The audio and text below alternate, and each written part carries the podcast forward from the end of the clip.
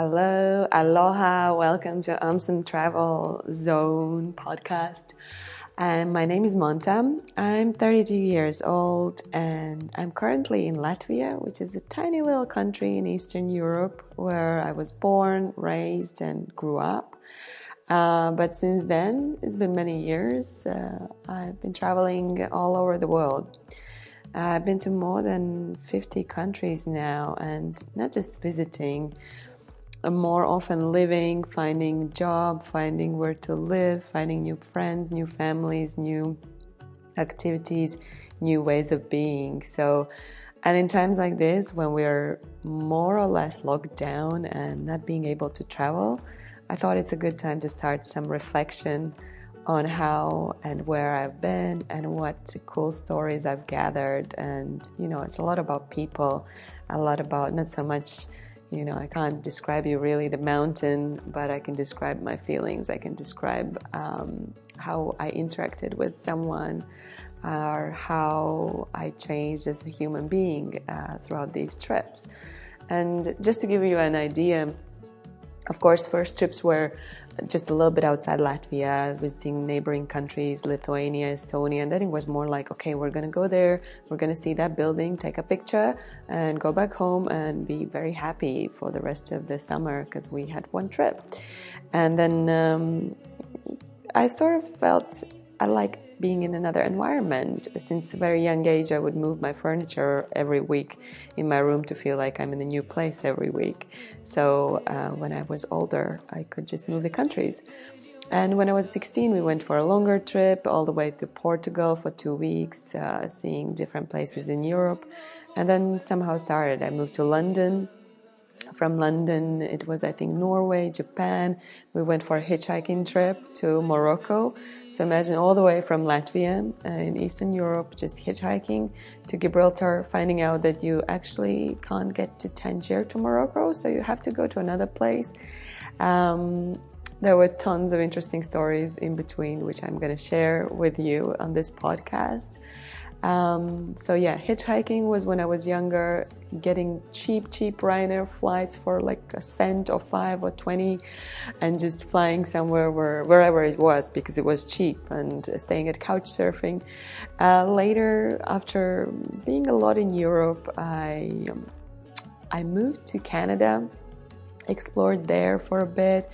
Uh, from Canada, I wanted to more and more um, adventures and I moved to Vietnam. So imagine living in a busy city of 9 million, Hanoi, and zooming around on a motorbike. Uh, yes, if you've seen the crazy traffic, it's way more crazy.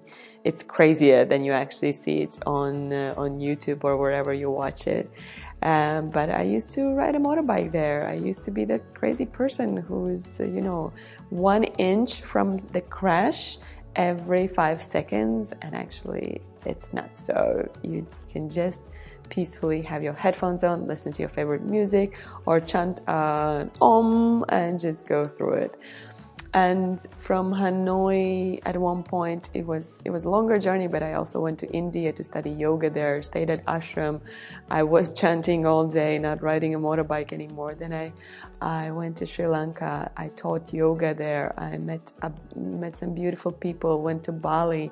I taught on a little island there. And and all these travels and little stories and interactions I really want to share with you. So probably I'll I'll put like a uh, and country and what happened there and some really cool story. I have dating stories all around the world as well. I think that could be another podcast, but I'll try to like have some little things in here as well, uh, just you know for spiciness. and uh, Panama has been a home as well for uh, past few years. It's been beautiful, uh, a lot of connections, a lot of beautiful adventures. imagine just moving to a country and deciding that you'll start teaching yoga there and to survive on that money. Pretty impossible. Well, I made it happen. I challenged myself to do a yoga retreat, and beautiful uh, things happened that way as well. I met uh, my best friend. I met uh, another great people who we become really heart mates. No, no, soul, soul and heart mates. Um, so yeah, and then um, a little journey from Panama to Vancouver, Canada has always been in my heart as well. And uh, I went to China this year just before coronavirus hit, and, and I wanted to stay there for longer, teach and live and explore Shanghai and uh, Chinese ways ways of life.